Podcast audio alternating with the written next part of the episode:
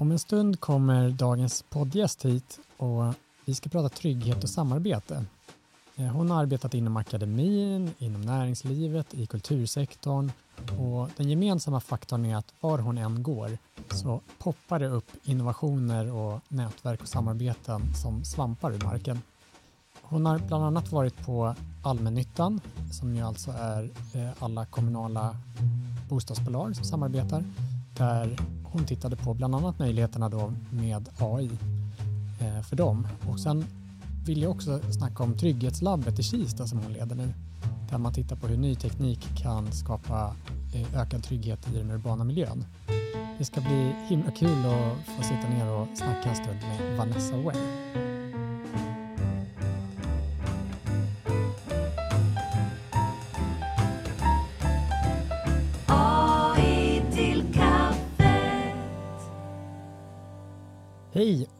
Välkomna alla lyssnare till en AI till kaffet och eh, välkommen också till dig Vanessa Ware.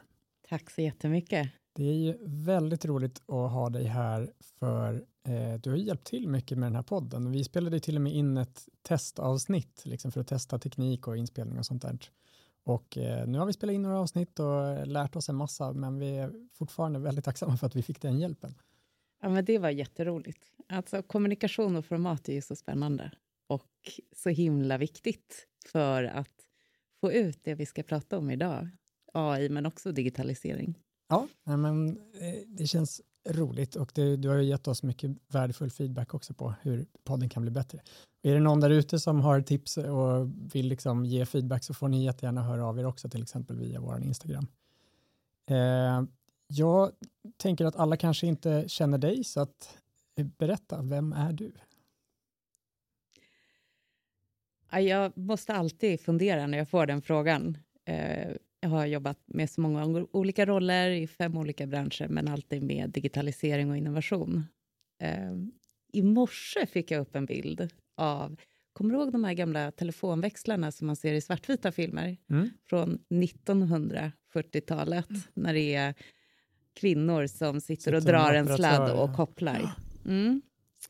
Eh, det är sånt jag eh, gör eh, när jag jobbar. Jag kopplar ihop olika discipliner, aktörer, eh, behov eh, för att få liksom till en bra massa där man kan förändra och utveckla tillsammans. Det är en snygg metafor tycker jag. För du är ju otroligt duktig på att nätverka och liksom även hjälpa andra att nätverka. Ja. Eh, jag tycker ju att det är roligt. Så, och så är jag nyfiken också. Um, jobbat i... jag började som doktorand en gång i tiden. Um, jobbade med lärande och innovation i festivalorganisationer. Det var jättebra. Då fick man gå på festival också. Det var suveränt.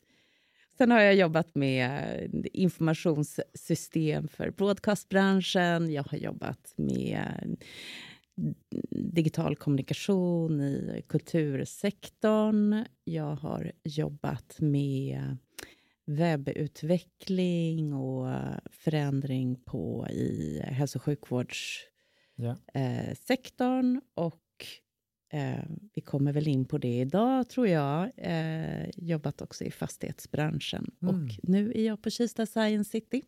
Ja, vad kul. Du har verkligen hunnit med en massa olika branscher. Det är allt från eh, sjukvård till eh, allmännyttan, mm. fastighetsbranschen och, och vad heter det nu då, innovationsarena. Eller vad man ja. Och det kanske är en röd tråd också där med innovation, eller? Ja, men det är det ju verkligen. Och det, det finns ju en utmaning att byta bransch, men det finns en enorm fördel i att byta bransch och det är att man kan vara lite ny eh, i blicken. Jag tänker, eh, en av de stora anledningarna att jag vill eh, bjuda in dig, förutom de projekt och så som vi har gjort med AI och, och trygghet som vi kommer komma till sen, då, eh, är samarbete. För att i den eh, datadrivna ekonomin och liksom med AI och så, så har mycket av det man fick lära sig på Handelshögskolan och så där, det stämmer inte riktigt längre. Att man ska bygga upp barriärer och runt sin verksamhet och att man ska liksom bli duktig på att konkurrera och eh, ja, hitta sin nisch där man är överlägset bättre än alla andra och sen skaffa sig monopol där och sådär. När på Handelshögskolan fick du inte lära dig Alltså mm. på ett sätt så blir jag inte överraskad, på ett sätt så blir jag ändå sådär eh, lite överraskad att man... Var det verkligen så att, att ni inte hade kurser kring liksom plattformsekonomin och vad som krävs? Var den, var den gamla kulturen, affärskulturen, så stark fortfarande när du gick där? Jag, ja, jag gick ju 2013, 2014, ja. så det är ju ett tag sedan. Det är det ju absolut. Jag skulle ju tro att man har kommit mycket längre i de bitarna. Jag kom ju från eh, KTH där jag hade liksom läst eh, maskininlärning och AI och liksom var ingenjör och för mig var det här väldigt naturligt. Eh, jag förstår att om man har hållit på och liksom undervisat i ekonomi eller bokföring eller någonting sånt så kanske man under väldigt många år att det här inte är lika självklart. Sen tycker jag det fanns ju vissa kurser som var väldigt moderna och väldigt bra på, på Handelshögskolan också. Och generellt sett så tyckte jag utbildningen var fantastisk. Men eh, just när det kommer till eh, eh, plattformsekonomierna kring, kring samarbete, kring eh, hur den datadrivna ekonomin ser ut och så där. Där tyckte jag faktiskt att utbildningen var ganska svag. Mm. Då, ska jag säga. Det mm. kanske är fantastiskt nu. Ja, men det är jätteintressant. För det är ju precis det här du beskriver, att eh, du behöver ett aktivt nätverk. Jag brukar tänka på omvärldsbevakning, att det funkar inte att ha det i en rapport, för att du har inte relationen då. Och det, det är inte bara att ha tillgång till kunskapen, utan det är att ha tillgång till eh, action, att kunna göra saker och det gör du tillsammans med andra. Mm. Så när din omvärldsbevakning, eh, så som man kanske tänker kring att nu ska jag scanna av vad händer och någonting som är lite perifert intressant för min verksamhet. Jag vet inte. Det kan man ju ha i en omvärldsbevakning. Men är det någonting man ska liksom, börja nätverka inom? Ja, har du ett sånt aktivt nätverk eller har din verksamhet sammantaget tillgång? Det kan ju vara några som drivs och är väldigt lustfyllda på just den fronten. Så har din verksamhet sammantaget ett sånt nätverk där man når lite bredare, då, då har man ju skapat sitt ekosystem i potential att utveckla nya saker, fånga upp idéer, testa av snabbt. Så det är, eh, det är ju ett sätt, en ingång man kan ha och göra omvärldsbevakningen väldigt levande och att den bygger på relationer. Vi använder ju sådana som er på Kista Science City och liksom eh, Barkarby Science, eh, Södertälje Science Park och, och för, som arenor för att göra omvärldsbevakning, men också för att knyta nya kontakter och bygga det här nätverket. Gud vad intressant. Alltså när du, det, det där lät väldigt eh, taktiskt i alla fall, om inte strategiskt. hur, hur, um, vill du utveckla, hur använder du Kista Science City som arena? Ja, jag tror att Ska vi berätta så... vad Kista Science ja, City är för den eh, som, som inte har stött på oss? Nej, men det är ju eh, en verksamhet. Vi sitter i Kista, som man hör av namnet, och vi ägs av en, en stiftelse, Elektrum. Stiftelsens styrelse säger en del om Kista Science City, för där har vi IBM, vi har Ericsson, vi har KTH, vi har Stockholms universitet, Region Stockholm, Stockholms stad, RISE, en av forskningsinstituten, eh, som eh, eh som också styr oss. Och Det reflekterar vårt uppdrag att eh, lyfta, synliggöra, stärka Kista, Kista i Stockholm som en internationellt väldigt spännande techhub där det samlas mycket eh, deep tech-bolag, alltså bolag som jobbar med nya teknologier som kommer från forskning och eh, inte alltid har eh, affärsområdet klart, utan det måste också utvecklas nya affärsområden. Så Det är näringslivet och sen så har vi akademin. I, I Kista sitter det faktiskt 6 000 studenter. Mm. Stockholms mm. universitet har ju sin största institution i Kista som är Sign of the Times datasystemvetenskap. Mm. Så vår roll är att, att eh, bygga community där. Eh, vi faciliterar eh, samarbeten när det är många olika aktörer. De här. I akademin kallar man ju det triple helix, mm. eh, eller quadruple helix till och med. Um, men det är inte bara liksom en akademisk modell, utan ska du lösa ut problem så behöver du ofta många olika aktörer som är med uh, för att få till det.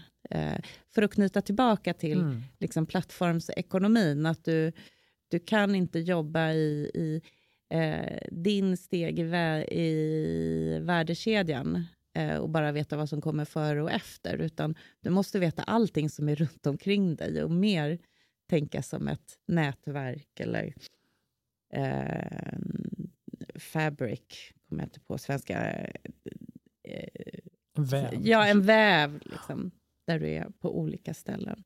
Och det här sättet att jobba på är vi väldigt duktiga på på mm. Kista Science City. Men för att svara på din fråga så det kanske inte är så mycket en uttalad strategi, men jag känner ju själv att var har jag träffat intressanta människor och var har jag knutit kontakter som så småningom har lett till att eh, det blir något AI-system byggt någonstans. Mm. Väldigt ofta är det ju i det här nätverkandet och någonstans i gränslandet mellan ibland akademi, ibland stora företag, ibland små startups och så vidare. Och, man, och det är väldigt svårt att förutsäga var och när och liksom nästa konsultprojekt föds eller så. Mm. Men, eh, men att vara i de där miljöerna är väldigt fruktbart. Det är liksom mm. en bra mylla att, att hitta det här i någonstans eller att växa de här. Men får jag berätta när jag jobbade, om när jag jobbade med allmännyttan? Absolut. Ja, för det, det, är ju inte jättelänge sedan. Jag jobbade Nej, med äh, ett projekt som hette Digitaliseringsinitiativet som samlade hundra utav de kommunalt ägda bostadsbolagen i Sverige. Vi pratar 800 000 lägenheter mm. eller eh, hyresrätter. Så ganska maffigt. Ja. Eh, och eftersom man inte konkurrerar då när man är kommunalt ägd så eh, ansåg man att vi borde hitta så många fördelar för att kunna driva på våra digitaliseringsresor om vi går samman. Och vi det, det var ett, eh, en, en tillfällig verksamhet på tre år kan man säga med fyra projektledare som eh, byggde upp ett antal tjänster och program tillsammans med bostadsbolagen. Um, men det jag ville berätta var ju att en viktig del i arbetet som vi gjorde där var just att bygga ekosystemet mm. runt de allmännyttiga bostadsbolagen. Och då fanns det ju ett gäng som låg i framkant långt innan digitaliseringsinitiativet skapades, eh, eller vi som jobbade med det kom in i bilden. Och där, där fanns det intressanta nätverk. Men vi byggde också vidare för att skapa sammanhang som bolagen kunde komma in i. Mm. Så att när man var så här, ah, jag skulle vilja göra det här, eller jag vet inte hur jag ska göra det här, så kunde man träffa ett antal spännande innovativa företag, eh, förändrings innovationspartners. Vi hade ju ett samarbete med Savantic då. Det var ju så ja, vi precis. träffades första gången. Ja, precis. Um, för att komma igång och jobba. Och då, då, när du har det där nätverket så går det ju så väldigt mycket snabbare. Ja, det var ju en, en spännande blandning också, bolag inom, inom allmännyttan som du, som du sa, vissa jättestora, vissa jättesmå och sådär, men, men där, där eh, alla hade ändå på något sätt någonting att vinna och man har ganska lika utmaningar och sådär gissar jag ändå, även om man är olika stora. Ja, lika utmaningar och olika resurser. Mm. Ja.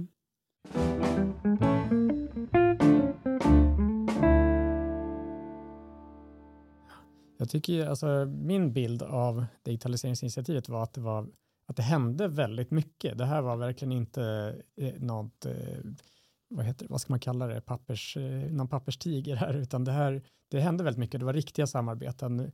Jag var ju inte med på långa vägar på allting, utan jag såg ju bara vissa delar, men de här AI-luncherna som vi hade och, och workshopserier och sådär.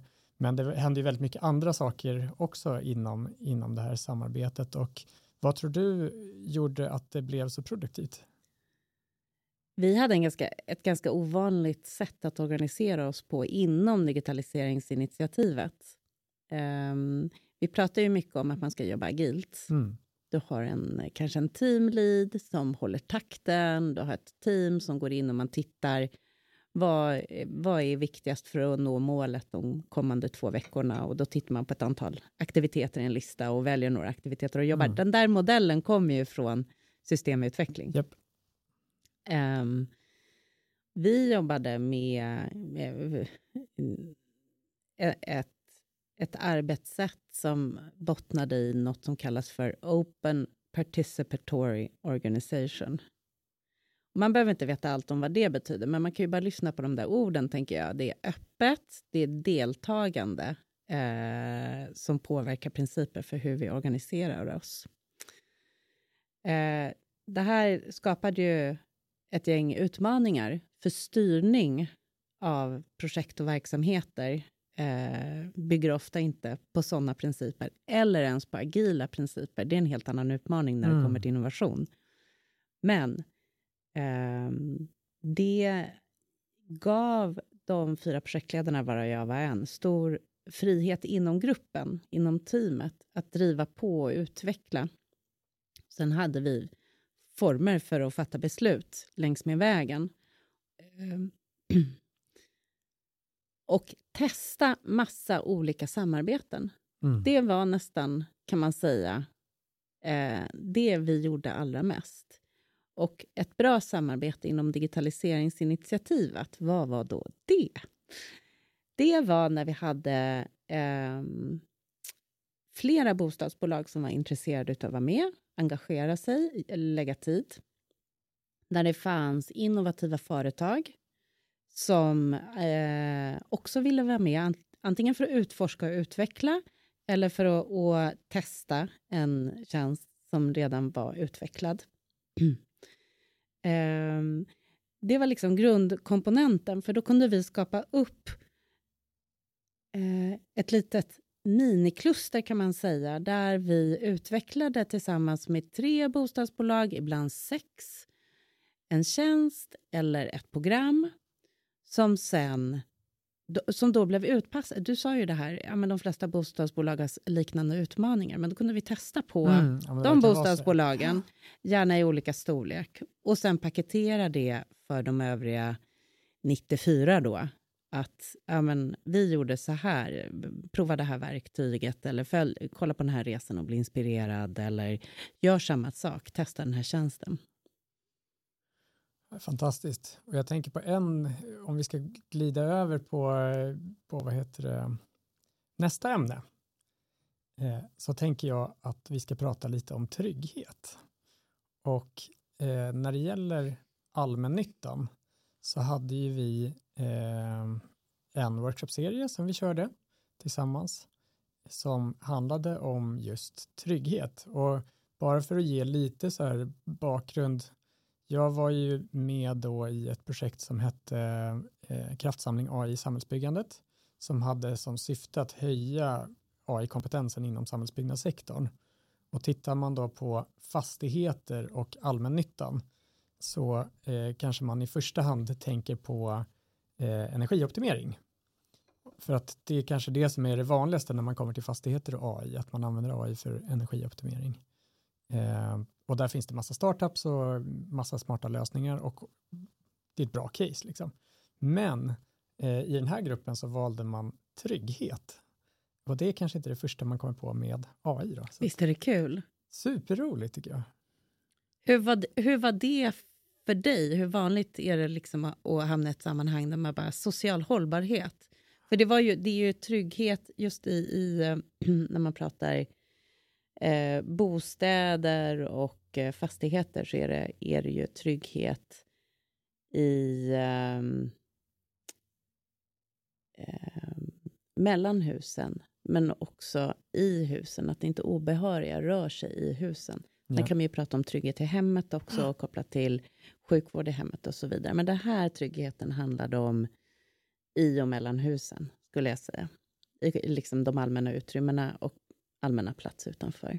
Men hur var det för dig att komma in och bara, vi vill köra AI på social hållbarhet? Nej, men det var jättespännande. Det är ju inte, jag är inte jättevan vid det. Alltså, vi har gjort ett projekt som handlade om just det här med, med eh, AI för eh, att förhindra våld i hemmet. Eller för, mm. liksom, och det var ju också jättesvårt. Det var bara ett, ett väldigt litet projekt också, men där man där man jobbade med de bitarna. Men för, förutom det så har inte vi gjort någonting som är kopplat till trygghet som jag vet om, utan av alla säkert hundra AI-projekt som, som, eh, som vi har genomfört tror jag inte det är något mm. annat som har handlat om trygghet. Så mm. för oss är det jättespännande och för mig var det väldigt intressant för att jag tycker också eh, att AI ska ju användas för saker som är bra för världen. Mm. Och det är lätt att man Alltså men energioptimering är också jättebra, men, men att man kanske glömmer bort de här lite mjukare frågorna. Mm. Och, eh, och också att kanske offentlig sektor eller eh, att, att den biten hamnar lite på efterkälken och sådär och att det blir mycket fokus på näringslivet och sånt. Så båda de grejerna är ju sånt som jag personligen brinner för och vill försöka hitta ställen där man kan hjälpa till och därför så kändes det här superkul. Ja men gud, jag känner mig så inspirerad bara när jag hör dig prata fastän jag har jobbat med det här nu i, i några år. Så blir jag så inspirerad. Sen var det ju också intressant just i allmännyttan. Där eh, man har ju ett eh, delat uppdrag. Man ska bedriva affärsmässig verksamhet och skapa boende för alla. Så det finns ju verkligen ett eh, perspektiv på att människan ska må bra i mm. allmännyttan. Mm. Och då är trygghet en stor fråga som till skillnad från kanske vissa frågor som rör digitalisering faktiskt finns på allas agenda. Så, så styrelsen, politikerna har det på sin agenda, ledningen har det på sin agenda. Hela vägen till inom allmännyttan har man områdesvärdar eller trygghetsvärdar. Det kan heta lite olika saker. Eh, men det är den den rollen eh, där man är ute och möter sina hyresgäster på, på olika sätt och, och, jobbar för dem. Då. Så alla var involverade, så det var ett väldigt spännande space att bedriva innovation mm. inom. Det intressanta var, den här workshopen vi gjorde tillsammans, eh, hur många bostadsbolag var det? Var det fyra? Fyra var ja. Som, vi hade ju drivit ett eh, datalab som jag var ansvarig för, gjort ett antal case och, och det var verkligen så här, hur kommer jag igång med min data? Hur kan jag börja jobba med masterdata? Kan jag använda Lantmäteriets eh, grundkomponenter för data för att tagga upp min data så att den blir jämförbar med andra bostadsbolag? Eh, det var den typen av frågor. Vi vill ju verkligen få in ett tänk kring hur kan jag jobba med AI, att börja ställa de frågorna. Och då samarbetade vi kring en workshop där på första mötet man fick lyfta vad finns det för behov? Och, eh, och det är ju alltid det där behovet och finns det data eller måste vi börja skaffa data? Det är mm. ju några Precis. grundfrågor man börjar med. Um, och då kom det ju upp väldigt tidigt att man har eh, det som kallas för skalskyddet, alltså entréer ja. till själva fastigheten. Ofta är det flerbostadshus. Eh, eh, att, att där finns det mycket spännande loggar kring hur ofta dörrar öppnas och stängs. Eh, och också vilka blippar det är som används om man har en sån här liten elektronisk eh, nyckel, om man ska kalla det, eh, för att gå in och ut. Och då har du dels entréerna till ett eh, hyreshus, men sen kan du också ha gemensamma utrymmen, de ja. dörrarna. Hur öppnas och stängs de? Och det blev ju ett eh, case som vi formade. Hur kan vi titta på den datan och lära en intelligent modell att hitta mönster för att förstå då, är den behörig eller är det en obehörig mm. som tar sig in nu? Det var ett väldigt snyggt eh, case tycker jag. Och det var ju spännande också i den här processen att, att vi utforskade behoven, vi utforskade vilket data vi hade och i slutändan så ledde det till att vi kunde hitta en lösning med AI där, okej, okay, om, om AI kan söka efter avvikande mönster i det här datat eller man har exempel på taggar som har blivit kopierade eller såna elektroniska nycklar som har blivit kopierade så, så kan man hitta dem. Så att, ja, och det är ju väldigt värdefullt när man sitter och utforskar så där, vad har vi för problem um, och vad har vi för data och hur kan vi lösa det, så är det ju så värdefullt att sitta med en eh, facilitator som du, Marcus, som kan du kunde ju avfärda eh, många idéer och säga att det där är inte ett AI-problem. Eh, och det tänker jag, det, behöv, det behövde ju inte jag förstå i det läget, utan det räcker ju med att vi har dig i rummet. Eh, men vi hade ju aldrig kommit någon vart om vi inte hade våra bostadsbolag som, ha, som sitter på alla problem. Exakt. Ofta jag, jag, jag, kan tänka mig att det fortfarande finns så här, vem är jag, varför ska jag jobba med AI? Det är ju inte min... Jag, jag signade inte upp för att jobba med digitalisering. Jag vet att digitalisering och AI är inte är samma sak, men det hänger väldigt tätt ihop. För om du inte har tillgång till datat som du ska jobba med, eh, bara ska jobba med storbolagens, eh, alltså de globala, the big mm. five mm. eller vad det är, Google och gänget, deras data och deras chattbottar, då, då får du inget tillräcklig precision för att din verksamhet det verkligen ska göra skillnad i din verksamhet. Så du måste ju ha egen data eh, som du kan liksom föra in eh, i, i det här arbetet. Men det är så lätt att tänka att det där är något som någon annan ska göra. Men det är ju alla alla experter, specialister där ute som jobbar i verksamhet och har jobbat jättelänge, som vet problemen. Mm. Det är det det är det allra viktigaste. Och sen att någon kan guida. Hur skulle vi kunna lösa det här? Jag älskar det. Det här Vilken är musik teknik? för mina öron. För jag tänker att liksom, eh, det här tvärkompetenta teamet, ja. att, att, ha de som förstår utmaningen och verksamheten med sig, att ha de som förstår datat, att ibland så behöver man ha någon typ av IT för att kunna förstå hur får vi ut det här datat eller hur mm. kopplar vi ihop våra system och så där. Och sen AI-kompetens. Och det som är spännande tycker jag är att de här pratar i olika språk. Så att, att liksom eh, en, en AI-specialist eller en som verkligen kan datat som finns på ett allmännyttigt eh, bostadsföretag eller de som är ute i verksamheten och, och ser utmaningarna med tryggheten och sådär.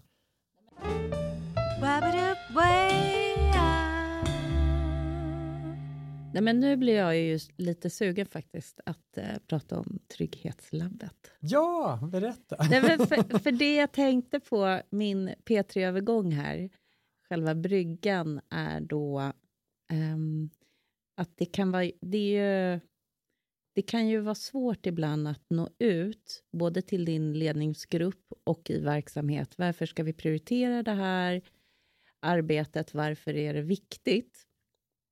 Eh, och här sitter man på en ledningsgrupp så måste man göra sin hemläxa. Det är, det är ju direkt tjänstefel om man inte hittat en ingång. Eh, det kan vi prata om någon annan gång. Men där man faktiskt förstår att nej men vi måste jobba med digitalisering och AI och hur mm. kan jag bidra? Det är min roll som chef, som ledare. Nog om det. Ja, um, men för att liksom kommunicera och skapa engagemang så är ju att hitta de här casen väldigt användbara. Och det var det som hände. Jag kom då till um, Kista Science City för, på grund av jobbet jag hade gjort med allmännyttan och blev ombedd så här, vi, vi vill jobba med upplevd trygghet. För det är en fråga som cirkulerar lite och som aldrig riktigt landar. Mm. Vilket inte är så konstigt, för om man, om man tänker hur upplever du en allmän plats när du är ute och går? Det finns ju lika många upplevelser som människor som rör sig där. Eh, sen just Kista, eh, Science City, som är den delen i Kista där, där Akademi och näringsliv sitter, eh, har, ligger ju också på en plats rent geografiskt där man i media eh, gärna kopplar samman. Vad händer i Rinkeby? Mm. Vad, vad händer i Husby? Vad händer i Kista? Eh, kommer man till de här tre olika platserna så är de väldigt olika. Mm. Eh, och upplevelsen är väldigt olika. Men bilden kopplas samman. Så då, det. det här då, upplevd trygghet är, är eh, en utmaning som man vill hugga tag i. Eh, kan vi hitta, vi jobbar med det, men kan vi hitta fler sätt och jobba med det.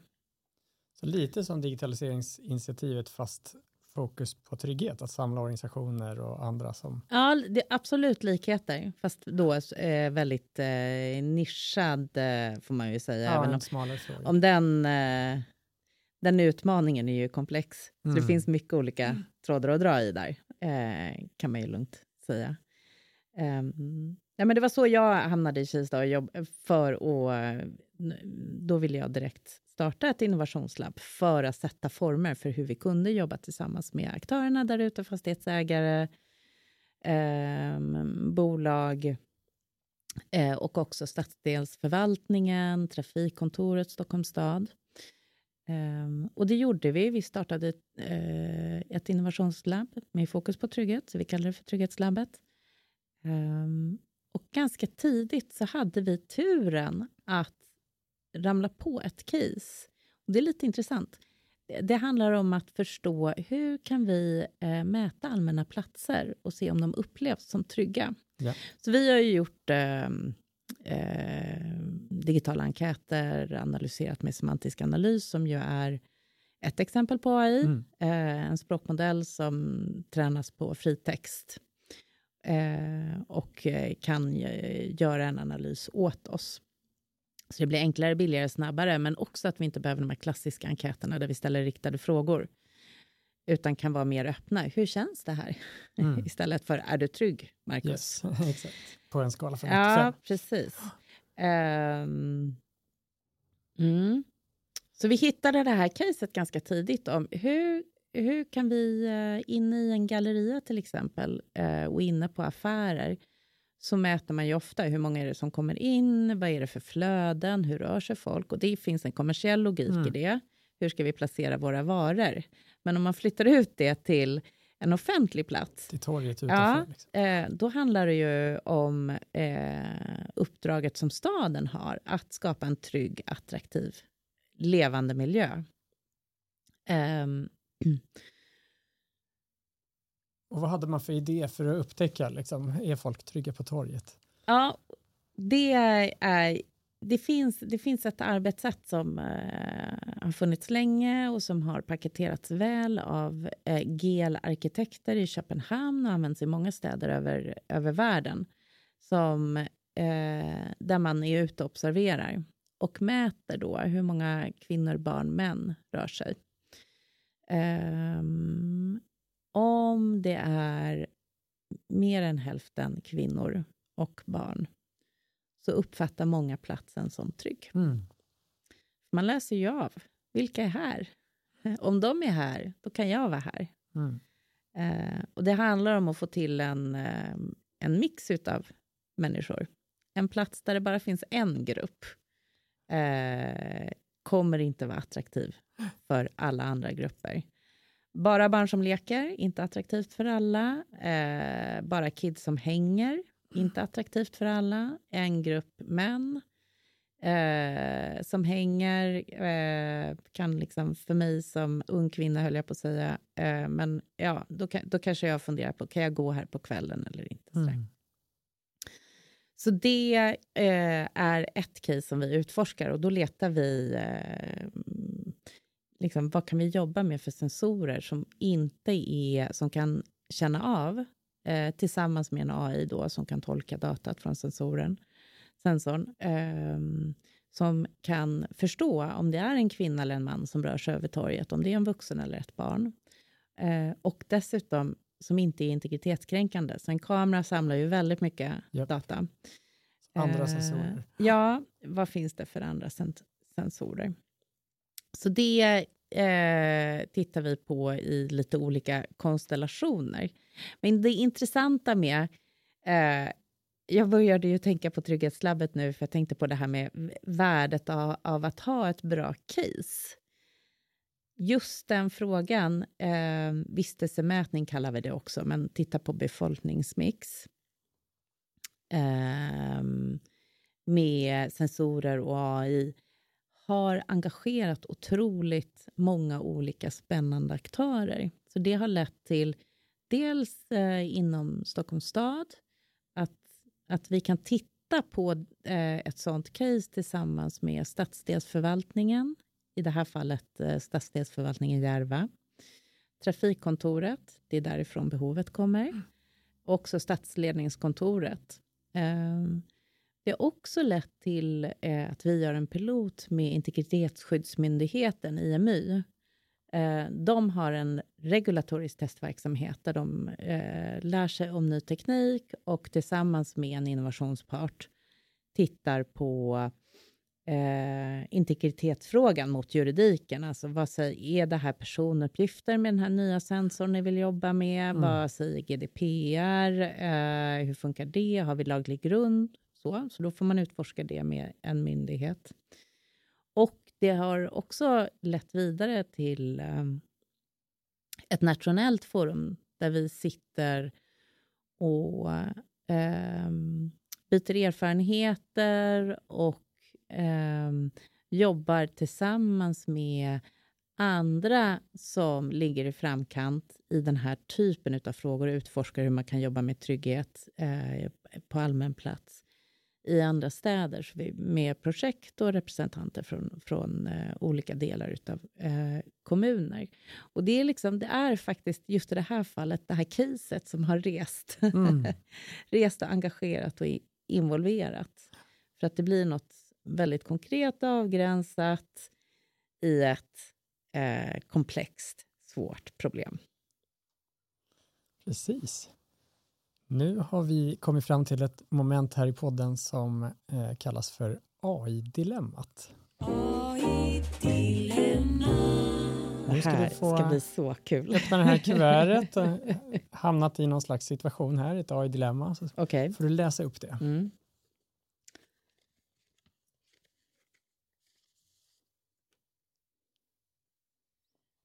Ett tryggare samhälle. Ja du, Marcus. Sprängningar och mord av oskyldiga anhöriga fortsätter att öka. Polisen vill samarbeta med flera av samhällets aktörer för att gemensamt pressa tillbaka den grova brottsligheten. De hör därför av sig till dig. De har fått höra om Kista Science Citys trygghetssensorsystem. De ber om att få använda era sensorer och data för att i realtid identifiera och följa kända gängmedlemmar. Dessa ska sedan störas i sin kriminella verksamhet och visiteras regelbundet. Hur ställer ni er till detta? Alltså... Eh... Det här är ju fiktivt såklart. Ja, det här är ju väldigt... Jag tänker att det hade rullats ut, att ni har fått ut ja. en massa, massa sensorer, våldet eskalerar ytterligare och att, att polisen med nya visiteringslagen och sådär. Nej, men det här är ju fiktivt, men eh, du har ju gjort mitt jobb genom att skriva det här caset. Vi, vi tittar ju på eh, etik. Eh, alltså att göra en, eh, en etisk genomlysning av det man håller på att utveckla, då behöver man ju titta på vad blir konsekvenserna. Mm. Och det här är ju ett ex exempel på en ganska långtgående konsekvens då. Och det är otroligt viktigt att sätta ord på det, så att man inte får nej på utveckling för att det ligger en malande känsla. Det där verkar eh, osäkert mm. att mäta en plats. inte det jättedåligt? Mm. Det är för mm. vagt. Man måste bli konkret och då är ett case så bra. Så det är jättespännande case. Hur ställer ni er till det? Nej, men jag skulle ju säga direkt, superkul eh, att polisen hör av sig. Eh, det finns ju utmaningar för myndigheter att byta, eh, byta data med varandra utifrån hur lagstiftningen ser ut, där man inte får göra det, ehm, utan måste hålla det ehm, eh, separat. Um, men de vill använda då det här trygghetssensorsystemet. Då, då är, är ju, då skulle jag säga att okay, det, här, det här är ju inte ett säkerhetssystem som ska säkra eh, att det inte blir brott, utan det här systemet har ju perspektivet att främja trivsel och mm, attraktivitet mm, och trygghet. Um, upplevd trygghet då. Men jag skulle föreslå för polisen Kan vi eh, testa att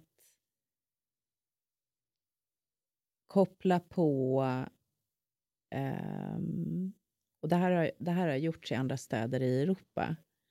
Eh, att, att koppla på en, en förmåga i det här systemet där man kan identifiera en grupp som blir högljudd, det är på väg att bli bråk. Mm.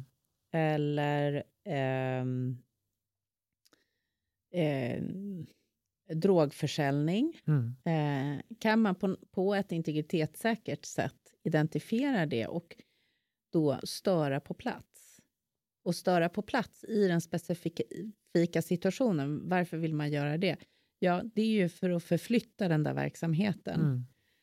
Och då kanske någon säger, ja men då kommer ju den börja pågå någon annanstans. Go get them! Mm. Men jag har fått lära mig av eh, fantastiska trygghetsstrategen Thomas Ahlqvist på Stockholms stad eh, trafikkontor att, att nej, men splittrar man eh, gängsaktiviteter på en plats så är det inte säkert. Alltså det är oerhört knutet till platsen. Vi vet till exempel att drogförsäljning händer på eh, kollektivtrafikens knutpunkter. Mm. T-centralen ja. i Stockholm är ju ett sånt Precis. exempel. Men man har ju jobbat jättemycket där med, med trygghet. Eh, och har förmodligen rätt fina siffror. Jag är inte uppdaterad, men det har ju hänt mycket. Eh, så störningen skulle då vara att kanske identifiera, oj, nu händer något som inte är så bra. Vi drar upp ljuset. Mm, just det. För det är ingen som vill... Det, det, det här är ju typiska aktiviteter som kanske inte sker eh, mitt på ljusa dagen, utan lite senare på kvällen och så vidare. Eller dra upp ljuset eller eh, spela musik eller ja, det, det är mm. störande. Mm. Jag gillar ditt svar alltså på det här, eller din, din liksom reaktion på dilemmat, inte att så här avvisa polisens eh, vad det är de nu vill göra här, utan istället kanske vända det på ett sätt så att det inte behöver bli lika integritetskränkande, men ändå kanske kan få samma eller bättre effekt. Ja, jag tycker att det handlar om perspektiv ja. här. Vill jag, vill, ska, ska, ska, verktyget bidra till, eller systemet, ska det bidra till säkerhet, kontroll? Eh, eller liksom fungera i säkerhet och kontrolltjänst, Eller ska det fungera i, i trygghet och trivseltjänst? Det ena utesluter inte det andra, men just det vi jobbar med på Trygghetslabbet är ju det senare. Vi börjar närma oss slutet. Jag tycker vi har haft ett jättetrevligt samtal och det är så härligt att få ta del av dina insikter både kring samarbete och kring trygghet. Eh, väldigt roligt att få eh, kalla dig min vän och få liksom samarbeta i, i de här frågorna som är så himla viktiga och spännande. Eh, jag tänkte vi ska zooma ut lite här och avsluta bara och fundera på vad tror du är egentligen viktigast för att säkerställa att AI används till till bra saker i framtiden. Att vi använder den här kraftfulla teknologin till någonting som gör världen bättre. Men jag kommer ju upprepa mig. Två saker.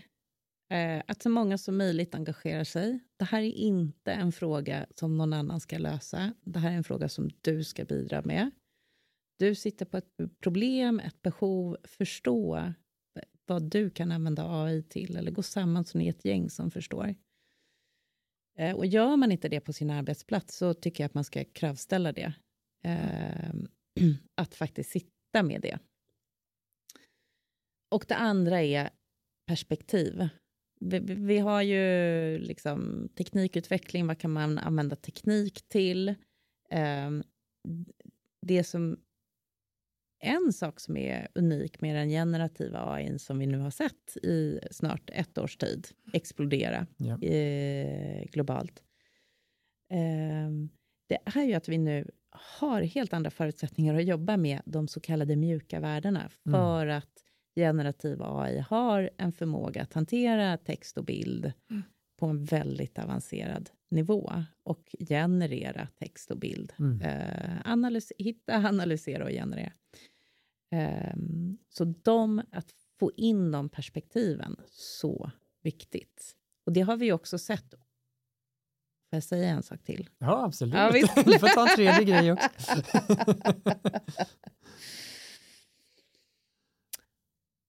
Nej, men det, en av de stora frågorna kring den här utvecklingen är ju bias och att man använder att de stora modellerna som är öppna, open, eh, ChatGPT till exempel, bygger på skrapad data från internet eh, som man har låtit eh, människor i länder i Afrika sitta och annotera och hjälpa AI att förstå eh, med eh, fruktansvärda kon konsekvenser, för de har tittat på all möjlig mänsklig avgrund. Um, men att det finns en bias i datat, för det bygger ju på världen som den såg ut 2019, eller när man nu klippte och tog den där 2021, precis. 2021 tog den där liksom högen med data och sa träna bara på det här, inget nytt inkommande. Mm.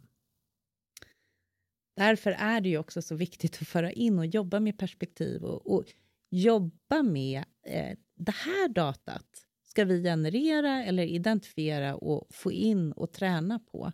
Så vi inte bara jobbar på det som redan finns. Mm. Snyggt avslutande tips tycker jag. Jättefint och tack så jättemycket för att du kom hit.